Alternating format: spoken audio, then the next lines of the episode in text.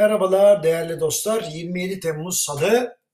Şimdi soru şu tek paraya geçer miyiz, geçmez miyiz? Şimdi bu tartışma bugünün tartışması değil çok şaşıracaksınız. İkinci Dünya Savaşı'ndan sonra başladı. Ee, bugün yaygınlaşan birçok bilimsel çalışmada olduğu gibi para teorisinde de güncel tartışmalar aslında 50-60 yılın çalışmaları üzerine. Tabii şunu da kabul etmek lazım. Her ülkenin kendi parasını kullanması hem siyasal hem de milli bir mesele. Avrupa Birliği bunu Avrupalı kimliğiyle aşmaya çalışıyor gibi. Şimdi meseleye bir göz atayım. Geçenlerde sosyal medya üzerinden bana bir soru geldi. Mavi İlmez Hoca'ya da geldi. Kuvvetli para birimleri ile anahtar para birimleri arasındaki fark nedir diye. Şimdi bu kuvvetli para denilen şey hard currency yani Türkçe'de kuvvetli para diye kullanılıyor. Bunlar ne? İşte dolar, euro, İsviçre frangı, İngiliz sterlini, Japon yeni ve bugün Çin yuanı, Ondan sonra e, şöyle diyeyim key currency ise küresel ticaretin ifadesinde kullanılan paralar. Yani dolar, euro, sterlin, yen. Bunları anahtar para birimi olarak e, ondan sonra e, tercüme edebiliriz diyelim. Elbette bunlar kağıt üstünde kabul eden değerlendirmeler. E, çünkü uluslararası kabul edilmiş en yaygın para birimi yani hem kuvvetli para hem de anahtar para olarak dolar kullanılıyor. Aslında bu durum Amerika Birleşik Devletleri'nin ticaret yolu olan denizlerde egemenliğini ilan etmesiyle başladı desem yanlış olmaz. Yani bir zamanlar İngilizlerin egemen olduğu denizler sterlini de egemen kılmıştı ancak geçen yüzyılın ilk yarısına bile gelmeden durum değişti. Aa bu arada şu bilgiyi de vermek istiyorum. Amerika Birleşik Devletleri 1871 yılından beri dünyanın en büyük ekonomisine sahip gelişmekte olan ya da az gelişmiş ülkelerdeki askeri üslerde e, biliyorsunuz birçok personeli var ve bu e, bir dolar ekonomisi yaratıyor burada. Onu da söyleyeyim yani. Şimdi Japonya'nın ticarette güçlü olduğu zamanlarda dolar yen paritesinin 150 seviyesinde olduğunu hatırlayalım. Hatta ben 401'i bile hatırlıyorum. Çok eski tabii.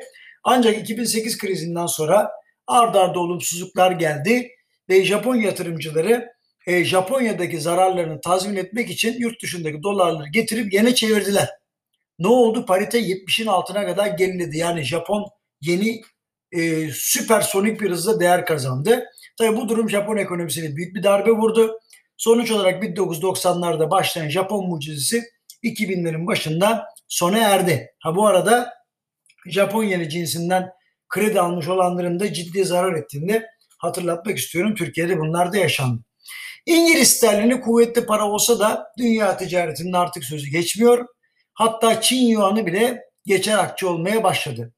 Ee, Euro ise Avrupa Birliği haricinde kullanılan bir ölçü birimi değil ama yine de büyük bir coğrafyaya ve büyük bir ekonomik büyüklüğün e, parası olarak kendine ortaya atmış durumda. Yani çok önemli. Yani İsviçre frangı ticaretle ilgili olmayan sebeplerden dolayı kuvvetli bir para haline geldi. Ha bir de şunu söyleyeyim. Bin İsviçre frangı ile büyük miktarlardaki nakit parayı taşımak oldukça kolay. Bu da onu güçlü kılıyor. Neredeyse bin dolar değerinde bir banknot bu. Fakat İsviçre bu aralar bu büyük banknotu tedavülden kaldırmayı düşünüyor. Onu da söyleyeyim size. Yani aynı sebepten dolayı mesela Euro bölgesi de 500'lük banknotları tedavülden kaldırıyor. Herhalde para e, nasıl diyeyim kaçırma işlerinde ya da kayıt dışılıkta falan bu paralar egemen oldu diye. Özetle doların saltanatını şu an için yıkmak öyle kolay gözükmüyor. Hala denizlerde güçlü, hala hatta uzayda da güçlü. Haberiniz olsun yani.